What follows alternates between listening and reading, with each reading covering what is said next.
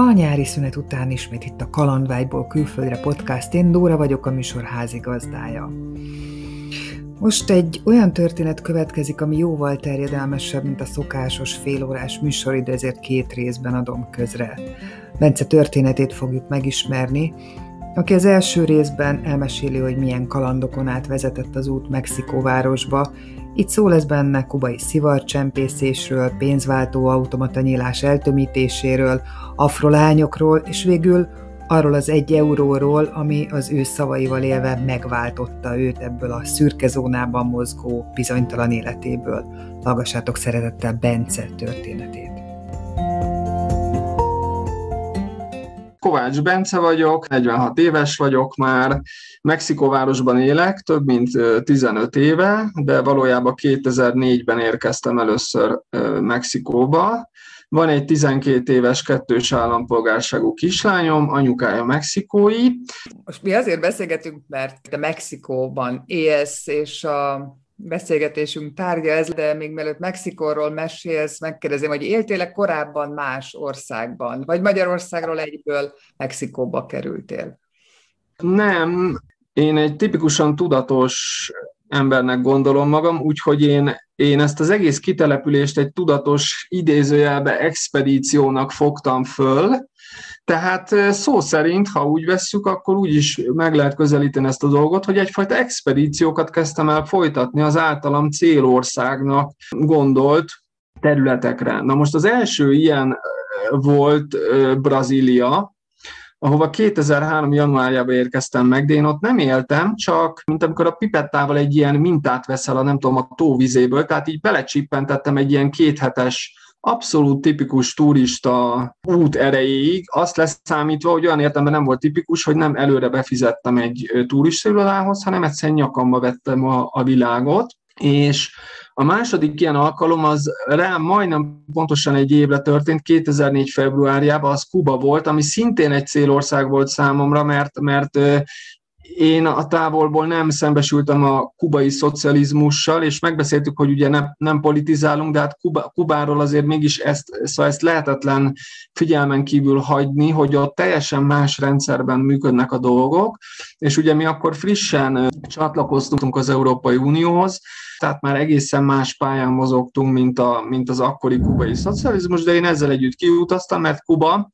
hát elmondom neked a nagy titkot, hogy melyik három paraméter alapján kerestem magamnak célországot. A kellemes klíma, ami nálam ez a trópusi, szubtrópusi, tehát hogy egész évben 25 fok környékén mozog a középhőmérséklet nagyságrendileg, vagy szóval, hogy meleg, leegyszerűsítve, meleg kellemes klímai országot kerestem, nagyon jó zenével, mert én, én zeneőrült vagyok, és hát akkoriban nálam a preferencia az afro lányok, vagy a, mindenképpen a barna bőrű lányok voltak. Na most én ez alapján három országot lőttem be magamnak, a sorrend az örökösen változott, és ebből a három országból kettőt ki tudtam pipálni. Ez a három ország, ez India volt, Brazília és Kuba. És még ott mozgott a vonzás körzetben Jamaika, meg, meg, meg itt Dominika, meg Kolumbia, de szóval, hogy tulajdonképpen e- ez volt az első három ország a dobogón. Tehát 2004-ben kikerültem Kubába, szintén, hát nagy titkokat nem akarok elárulni, de azért, ha már kalandvágyból külföldön a műsor címe, hát Kubában azért ennyi év táblatából már 17 év eltelt, tehát szerintem elévültek a dolgok, de, de szivarcsempészeti ügyből kifolyólag és hát ugye a már említett három paraméter, a klíma, a lányok és a zene, én, én kaptam egy, nem, nyilván nem hivatalos felkérést arra vonatkozólag egy amúgy nagyon szimpatikus kubai hölgytől, hogy mi lenne, ha lebonyolítanánk egy olyan jellegű akciót, hogy egy nagy-nagy bőrönyi farmer ruhával én megérkezek Havannába, ott engem fölvesznek az ő családtagjai, ők ezt a nagy mennyiségű azt hiszem a négy tigris piacon megvásárolt farmer divatárú holmit pénzét teszik, én addig náluk teljes ellátást élvezve élem világomat, majd amikor túladtak a nagy mennyiségű farmerdivatáru holmin, akkor abból a szivargyárból kicsempészet vagy kilopott szivart kéz alatt megvesszük az erre rendszeresített dílerektől, és ezt bevarva a bőröndömbe, teljesen amatőr és, és, és, és balek módon, de hogy én ezt visszahozom. És én megmondtam, hogy eddig kitűnő a terv, de, de mikor jönnek be a néger lányok, és akkor ők mondták, hogy az 0-24-ben benne van a terve, és akkor én mondtam, hogy mi, mi, a, mi a terv anyagi vonzata, mondták, hogy a repülő egy felével beszállnak. És akkor én mondtam, hogy figyelj, holnap el tudunk indulni? És mondták, hogy nem, mert még meg kell vásárolni a farmerruhákat, de egy héten belül akkor indulhat. És akkor én az akkori munkahelyemen szabadságot kértem, és ennek a vége az az lett, hogy tulajdonképpen engem kirúgtak a munkahelyemről már a kubai utazásom előtt, mert én egy valutaváltóba dolgoztam egyébként, és ők arra gyanakodtak, hogy, hogy nyilván én csak úgy tudok elutazni Kubába, hogyha, tehát mint hogyha saját zsebre is dolgoznék, a valutaváltóba, mert hát ha nem, akkor a valutaváltós fizetésből senki nem utazik Kubába, pláne nem hetekre, szóval ez akkoriban nem volt divat. 2004 telén, hogy csak úgy elutazgatsz Kubában, de hát egy a lényeg, hogy én tulajdonképpen már munkanélküliként utaztam ki és érkeztem meg Havannába, ahol egyből az összes ruhát elkobozták, tehát ahogy a nagykönyvben meg van írva, hogy nulla spanyolal megérkezel, és akkor hallott, hogy ott a hangos bemondó, hogy Kovács, Kovács, Benz, Kovács, Benz, kérjük fáradjon, tudod, megvolt ez még, még én 75-ösök, tehát megvolt ez a balatoni Achtung, Achtung, és akkor nem tudom, Józsika keresi anyukáját, akit a lángosos út, és ott kétségbe esett arccal ott kérdezgettem, de hát egyáltalán nem beszéltem spanyolul, tehát még annyit se, hogy te ki hogy szeretlek, tehát, és akkor nagy nehezen elirányítottak a vámra, és a vámon azt mondták, hogy tegyen föl a bőröndöt, a, hát ez már jelbeszéd, de hogy tegyen föl a bőröndöt erre, erre a rozsdamentes acél, acél asztalra, és hogy föl is tettem, Mondták, hogy nyissam ki, mert rajta volt egy lakat. Mondtam, hogy én nem tudom a kódot, mert, hogy, mert, mert, hát, hogy a bőrön nem az enyém, én csak hozom. Mondták, hogy semmi gond, egy ilyen ceruzát beledörtek a cipzár részébe a bőrönnek, ceruzával így végighúzták, kinyílt, felnyitották, és, és hát megkérdezték, hogy ez meg mi. Hát mondtam, hogy farmer nadrágok, és kérdezték, hogy oké, okay, de kinek hoztam? Hát mondom, az ismerőseimnek hoztam ajándékba. Jó, erre elkezdték egyesével kipakolni a farmer nadrágokat, és képzeld, ugyanolyan ugyanolyan méret volt. És akkor kérdezték, hogy, hogy hány, hány ismerősöm van. Hát mondom, nem tudom, de azért jó sok, mert hát fogalmam nem volt, hogy hány nadrág van a, a, a bőrönbe. Tehát a bőröndöt előttem pakolták be, a félreértések elkerülése véget, tehát nem arról volt szó, hogy olyan dolgot hoztam, amit én nem tudtam, hogy mit hozok, mert mindent a szemem előtt beraktak, de nyilván arról nem tájékoztattak engem a kedves kubai hölgyek, akik küldték a cuccot velem, hogy ez némi nemű kockázattal jár. Ők azt mondták, hogy figyelj, te kim fogsz mohítozni, a négerlányok körbe fognak téged banánszoknyába táncolni, és olyan életed lesz, mint hogyha a paradicsomba kerültél volna. Úgyhogy felfogadtam ezt az ajánlatot, és kérdezték, hogy ne haragudj már, hogyha az ismerőseidnek hoztad, de mindegyik ugyanolyan méretű.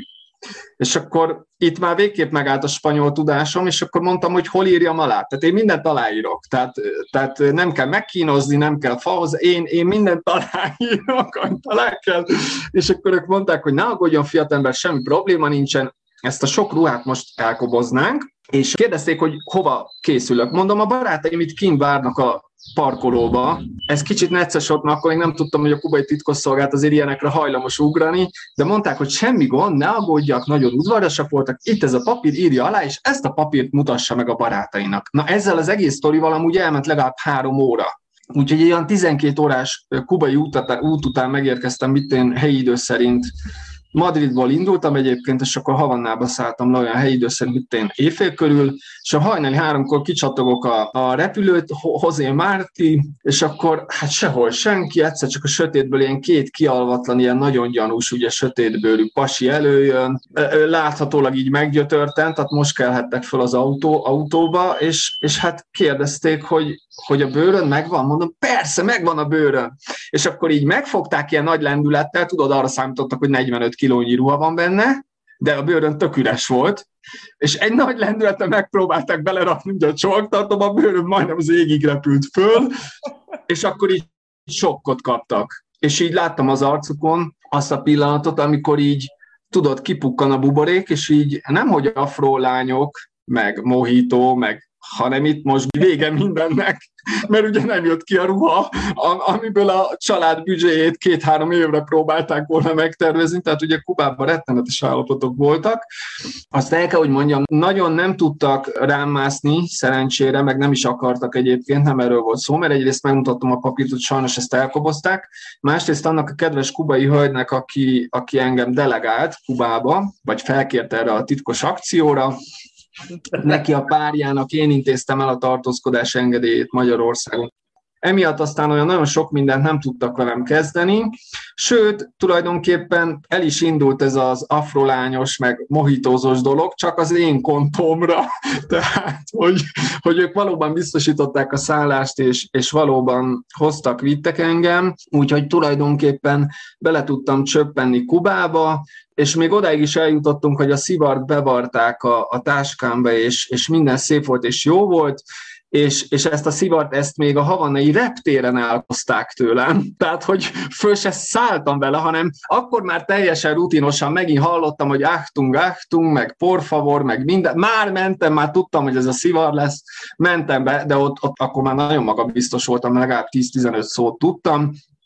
Úgyhogy konokul tetettem a hülyét, meg, meg adtam a bolondot, és de, de hát ők tudták, tehát szóval ez nem új keletű dolog. Kubával nem az a gond, hogy nem lehet szivart csempészni, Kubával hasonló a gond, mint Mexikóval, mert innen is lehet kábítószer csempészni, önmagába véve nem ezzel van a gond, csak úgy nehéz, hogyha nem fizeted le a vámot. Mert hát a vám nem szereti, ha őt kihagyják a buliból, és ugyanez vonatkozik a mexikói rendőrségre is, meg, meg a mexikói hatóságokra. Tehát, hogy nagyon is lehet kábítószer csempészni Mexikóból például, nyilván, hiszen ebből élnek nagyon-nagyon sokan, és ez egy olyan bevételi forrás, amihez elméletileg akár vér se kellene, hogy tapadjon, illetve nem aranybányászatról van szó, ahol egy gram aranyért egy tonna földet meg kell mozgatnod, hanem eh, nem szokták tudni az emberek, de a kokain az eh, biológiai értelemben az egy dudva szintű növény, vagy egy kóró, tehát végtelenül mostoha körülmények között is minimális törődéssel el van, és akár kétszer is lehet születelni, ha olyan az éghajlat. A kokain cserje az olyan, hogy kivágod a, a pusztába, hát szóval a hegyoldalakban ő általában, és ott vígan el van magába. A világon semmit nem kell vele kezdeni, leszületeled, laboratóriumokba kivonod belőle, előállítod belőle ezt a tipikus kokaimport, és utána ez éri az arany árának a többszörösét. Tehát a mexikóiaknak nem az, nem az, nem az ezzel a gondjuk, most bocsánat, hogy kicsit csapogok, meg előre rohantam, de szóval zárásképpen annyi, hogy nem az a gond, hogy úristen, hát ne áruljunk kokaint, meg ne csempészünk kokaint, mert az törvénytelen, hanem az a gondjuk a mexikai hatóságoknak, hogy őket ebből megpróbálják kihagyni.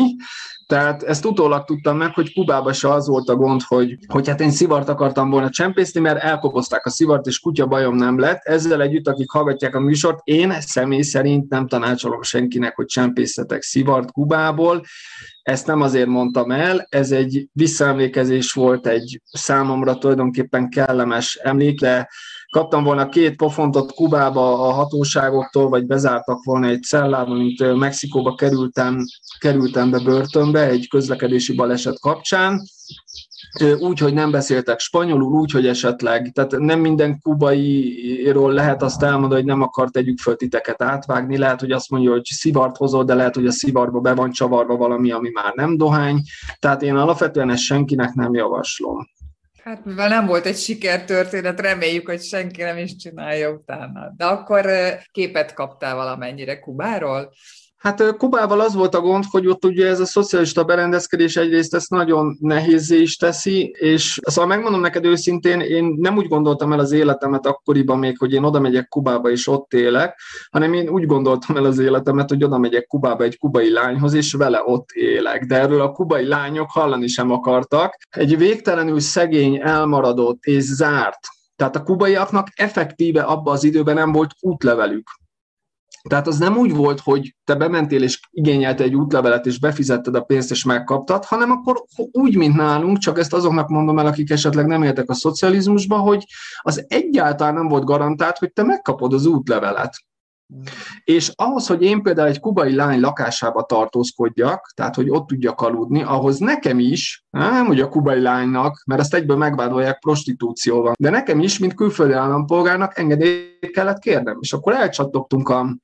helyi önkormányzat megfelelő funkcionáriusához, kis ajándékkal, az a regalító, tehát az első szó, amit megtanulsz Kubába a regalító, tehát korrupció nincs, tehát nehogy már hidd, hogy majd te lepénzeled, lefizeted,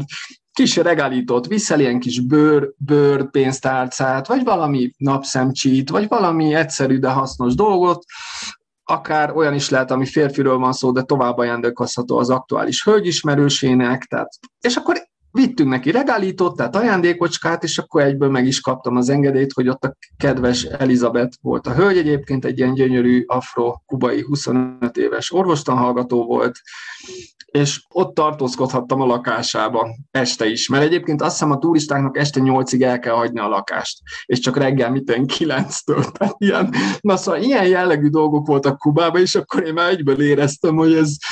ez nem lesz az én, én hazám, mert, vagyis hát lehetett volna, csak a lányok ugye azt mondták, hogy te megőrültél, hát de hogy akarok én Kubába élni, én Németországba akarok menni, vagy ide akarok menni, vagy oda akarok menni, és a kubai lányoknak Magyarország tökéletesen megfelelt volna. Ugye nálunk, amennyire én innen a távolból tudom, a migránsok többsége tőlünk tovább akart vonulni szabad akaratából Németország vagy más nyugat-európai országok irányába, az zöme, a kubai lányoknak tökéletes lett volna Magyarország is. Tehát amikor meghallották ezt az ötletet, hogy én majd jövök a, a nem tudom, a kemény valuta magyar forintommal váltott dolláron keresztül ide Kubába, és akkor majd én itt habzsidőzsi a szocializmusba, tehát ugye az én lelki szemeim előtt már ott volt az, ami annak idején az NDK-s németek, vagy az NSK-s németek előtt a Balatont illetően, hogy fú, te ott lesznek a magyar lányok, fú, visszük a német, német ö, ö, márkát. Mi történt Kuba után? Merre vetted az irányt? Hazajöttél és tervezgettél tovább, vagy egyből Mexikó? Hazajöttem munkanélküliként a, a, nagy, a nagy semmibe, és hát nagyon szerelmes voltam egyébként, tehát érzelmileg. Az utolsó két napban ismerkedtünk meg, és akkor nekem már kellett visszajönnöm, és, és tehát nyilván el akartam már jönni Magyarországról, és az is tiszta volt, hogy egy latin-amerikai meleg klímájú országba szerettem volna eljönni. Egy katolikus családban nőttem föl, katolikus nevetetést kaptam, a gimnáziumot a Szentendrei Ferenceseknél kezdtem, már nem ott fejeztem be, nem voltam egy szent életű ember, de, de én a mai napig Isten hívő vagyok, és nem egészen élem azok szerint, a törvények szerint az életemet, amik szerint élnem kéne, de Isten létezésébe hiszek. Tehát ez egyik dolog, amit fontos tudni. A másik, hogy nekem nagyon traumatikus gyermekkorom volt, és rengeteg problémám volt otthon a, a pártalálás, párkapcsolatok terén. Úgyhogy én az életem egy adott pontján Istenhez fordultam, és tulajdonképpen hát a katolikus emberek szoktak imádkozni, és tulajdonképpen ilyen fohászok formájában én azt kértem tőle, hogy, hogy delegáljon valakit az életembe. Tehát, hogy nekem annyira nem jön ez össze, meg annyira béna vagyok hozzá, meg amúgy is egy ilyen, tehát akkoriban még a traumák feldolgozásával küzdöttem, és és ez biztos, hogy rányomta a bélyegét a mentálpszichés állapotomra, tehát hogy ez nekem annyira nem, nem jön össze itt a magyar lányokkal, hogy Istenhez fordultam, hogy delegáljon valakit az én életemben. Hát Szent Péter elég sokáig tologatott az aktáimat fönn, de végül is valószínűleg Isten elé terjeszthette, mert 2004. április 19-én, tehát ahogy visszajöttem Kubából, én kikerültem a Liszt Ferenc, akkor még, bocsánat, akkor még Ferihegy 1 Ferihegy egy repteret aktuálisan megnyitották, még nem volt felújítva, egész máshogy nézett ki, mert egyébként ilyen műemlék, szoc, szociál épület és műemlékvédelem alatt állt, és rendszerváltáskor bezárták, és eredeti formájában kinyitották ilyen fapados légitársaságunknak, és oda kikerültem valutát váltani a, a, a változatosság kedvéért, és április 19-én, 2004. április 19-én a legutolsó aznapi járattal, ami egy kölni járat volt, megérkezett egy mexikói lány, aki odajött a valutaváltó irodához, tehát a pénzváltóhoz, és egy eurót beszeretett volna váltani. Hát ez a klasszikus egy euró, tehát a fémpénz, tehát mindenki ismeri, és akkor én így néztem rá, akkor én még nem tudtam, hogy a gyermekem anyja áll előttem. Állítólag van egy ilyen mondás, de én akkor ezt még nem ismertem, hogy hogy, hogy akiket az Istenek nem szeretnek, azoknak teljesítik a kívánságát. de azóta is ezzel a hölgyel élek, és hát valóban ő lett a, ő lett a gyermek a anyja, és, és ez az egy euró, ez tulajdonképpen az egész életemet megváltotta, mert egyrészt ebből a vagány, nekem akkor vagány, de valójában ez egy csibész életforma volt, amit én folytattam egy, egy szürke zónában, tehát kis rossz indulattal rám lehetett mondani, hogy, hogy illegális dolgokat csinálok a pénzváltás területén, kis jó indulattal azt lehetett mondani, hogy a fehér és a fekete között a szürke zónában osonok, meg suhanok a fal mellett, mint a patkányok, és igyekszem vigyázni magamra, hogy nehogy egy féltéglával eltaláljanak. Én a, én a, én a Liszt Ferenc reptéren úgymond megrongáltam a, az automatát, de valójában ez csak jogi értelemben volt rongálás, ezt tulajdonképpen működésképtelenítettem, eltömítettem a kis kártya behelyező nyílását egy, egy kis fehér papírlappal, hogy az emberek ne onnan vegyenek le pénzt, hanem az én, én pénzváltomhoz jöjjenek. De hát egyébként a tektől elkezdve képzeld el, mindenki ott vette le a havi fizetését, egy idő után elszakadt náluk a célnak, mert hó elején senki nem tudta fölvenni a fizetését. Se a malévos alkalmazottak, akkor még volt malév, se a rebis, se a tek, se, se senki. És egy idő után felszettek egy kamerát, de, de én félig székely vagyok, tehát így a székely góbéság, tehát ez még kevés volt, ment tovább minden, mint a mesébe. Akkor a Rebis volt a tek, tehát a Rebis volt az a, a reptéri biztonsági szolgálat, aki a terrorgyanú, tehát bárki megfognak kokainnal, akkor, akkor hozzájuk kerülsz. Nem olyan nagy élmény, hát engem bevittek az ügy miatt. Ebből lett egy ügy, és akkor valóban a bíróság pénzbüntetésre ítélt automata rongálás miatt. Úgyhogy, úgyhogy na most ez ugye a műsorhoz olyan értelemben kapcsolódik, vagy Mexikóhoz, én ezt kifizettem, azt hiszem 80 vagy 90 ezer forint pénz, pénzbüntetést kaptam, már a távol létemben, mert egyébként Mexikóban voltam én már akkor. Csak ezt azért mondom el, hogy ezekből a csibész dolgokból tulajdonképpen engem ez az egy euró húzott ki, vagy illetve hát ez a kapcsolat, am, am, amin keresztül én végső soron kikerültem aztán Mexikóba. Mert, mert hát nagyon leegyszerűsítve bedobálta a pénzt, azt elnyelte a telefon, és visszajött egy újabb egy eurósa, hogy, hogy ezt akkor ő beváltaná. És akkor én mondtam, hogy e, ez már volt, ne ezt csináljuk inkább, hanem van itt egy telefon az irodába, és akkor így a pénz kiadó tálcán kidugtam a, a telefonkagylót, pont kifélt, utána sévéltem a zsinort, és akkor én bent beütöttem a számot, és hát nem vették fel a számot, csak mesélem, hogy, hogy mennyi véletlen kellett. Szóval annyi véletlen kellett ehhez, hogy, hogy már hajlamos vagyok azt hinni, hogy Szent Péter tényleg egy kicsit megtámogatta az ügyemet a Jóistennél, és hogy valóban ő, ő küldte a hölgyet, mert egyébként még itt se dőlt el a dolog, mert ugye telefonáltunk, akkor nem vették föl a telefonhívást, és akkor, akkor jött a kérdés, ilyen Kuba után voltam, tudtam már, tehát mit volt 30 szó, amit tudtam spanyolul, és akkor kézzel, lábbal, hogy hát miről lenne szó, hát, hogy ő az újpesti Ibis Hotelba érkezett, és hogy két napot, egy éjszakát maradna az unoka testvérével, aki kicsit távolabb ült, nem jött oda az ablakhoz. És akkor én mondtam neki, hogy mondom, egy éjszakát maradsz, és Újpest Ibis Hotel, hát mondom, az a világ vége ilyen értelemben, hát, hát akkor neked az időd az utazással fog eltelni, meg minden mondom, nekem vannak itt ilyen kubai ismerőseim, mondtam neki, hogy mondom, ők adnak ki lakást is, már lelki szemeim előtt ott volt, hogy milyen borravalót fogok én itt kapni. Tudod, valutaváltó voltam, én akkoriban pénzbe utaztam, akkor egy egész más Bence voltam, nekem a pénz volt az Isten, ha megláttam a pénzt, akkor térdre ereszkedtem, és feltétel nélkül követtem az instrukcióit. Jó, hát oké, okay, embert ne ölj, meg árulj fegyvert, meg én drogot sose árultam, meg ilyen dolgaim nem voltak, de szóval mindenről a pénz döntött az életembe. És hát turizmusban dolgoztam, valutaváltásban dolgoztam, itt van egy turista, szállás kell neki, jön a jutalék, jön a pénz, csináljuk. És akkor fölhívtam a Milikét gyorsba, hogy, hogy hát itt lenne, lenne két kliens, Milike bellakott a nyolcba, tudod? Úgyhogy irány nyolc, és megérkeztünk Milikéhez, és ebből lett egy ilyen Budapest by night, hogy a, hogy a két lány azt mondta nekem, hogy, hogy de mi lenne, ha csinálnánk valami programot. És én mondtam, hogy hát menjünk fel a budai várba, mondom. Hát ugye én ott nőttem föl mellettem, ismertem, mint a tenyeremet, ott is voltam valutaváltó, egyébként Mátyás templommal szembe, úgyhogy mondom, otthon vagyok.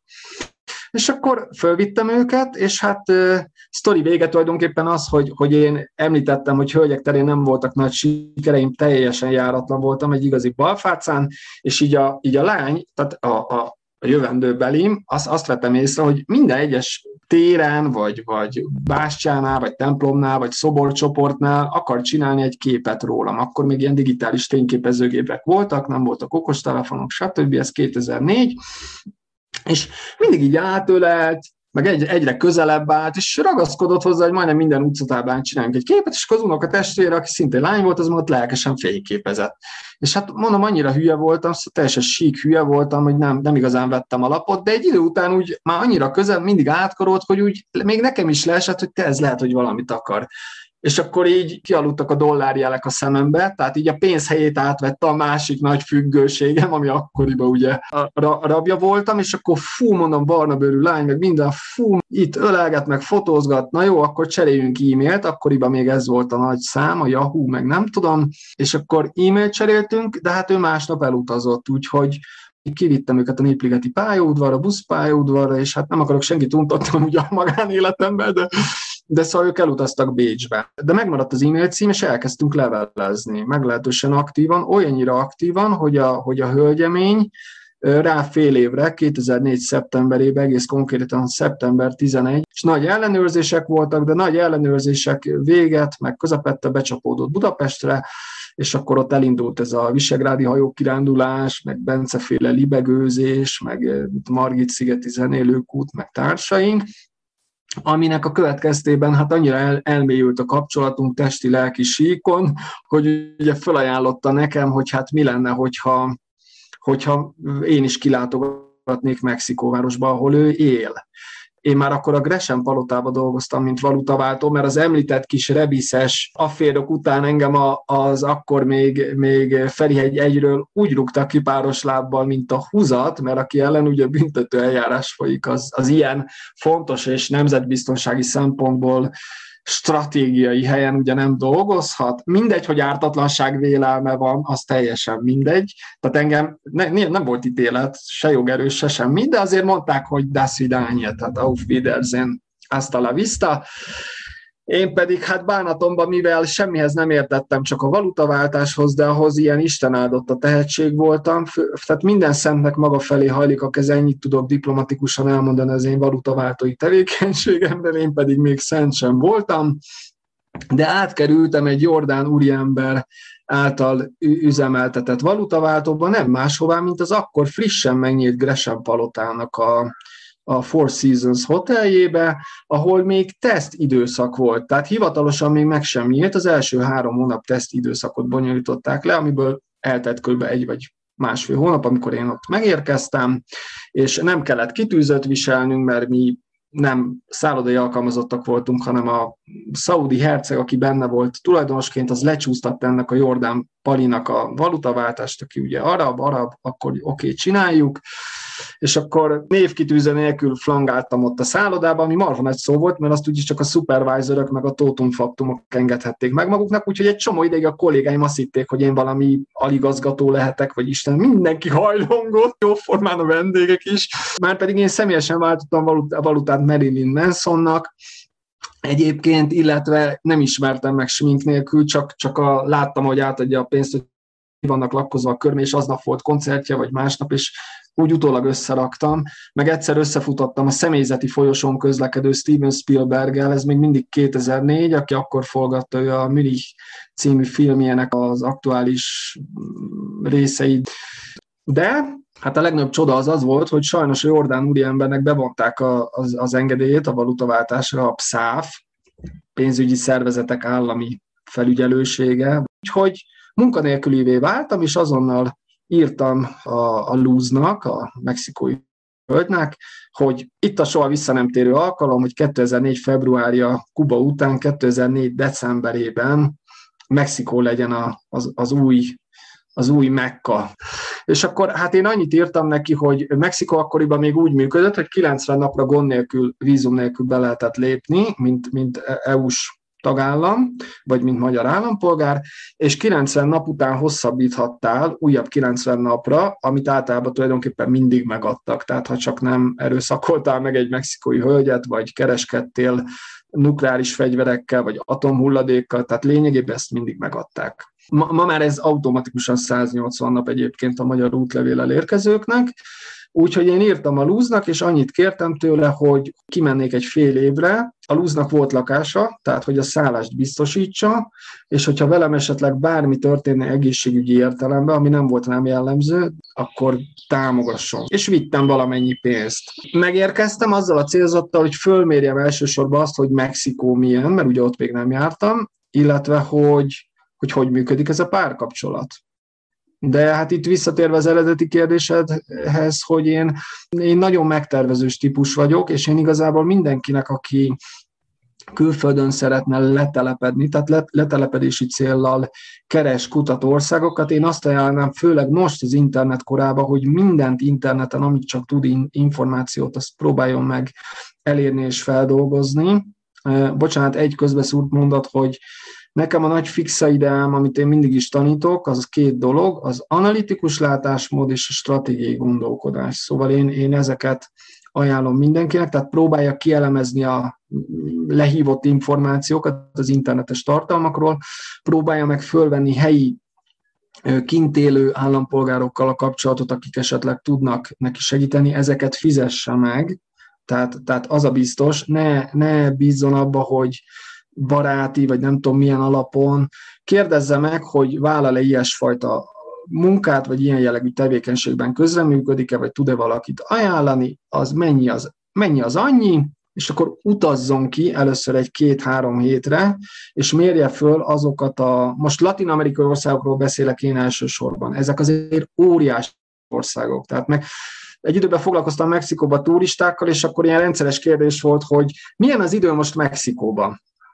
Hát mondom, Cancúnra gondolsz, ami tőlem 1500 kilométerre van, tehát olyan, mintha azt kérdeznéd, milyen az idő Európában? Hol? Portugáliában, vagy nem tudom, Máltán, vagy mondjuk Oszlóban. Tehát, hogy ezek óriási országok, Brazília, Argentína, Mexikó, körül kell nézni, hova érkeznél. Mexikóban van hegy, sivatag, trópus, dzsungel, millióféle dolog,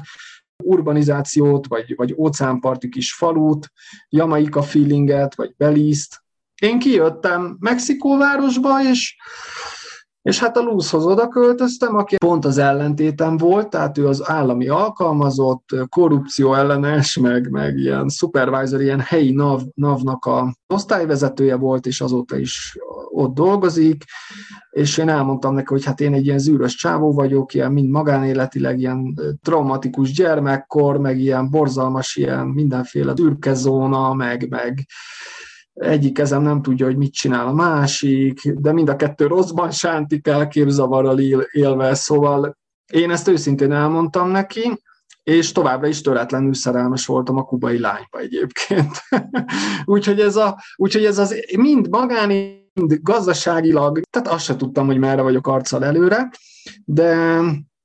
Hát a Lúző 38 éves volt, és ő meglehetősen jól kezelte ezeket a dolgokat, és mindenképpen meg szeretett volna állapodni, mint nő. Gyereket szeretett volna, nem volt korábban férnél, nem volt gyermeke, tehát ő teljesen tabula ráza, szóval, hogy tiszta lappal lépett volna be a kapcsolatba, és valamiért engem, engem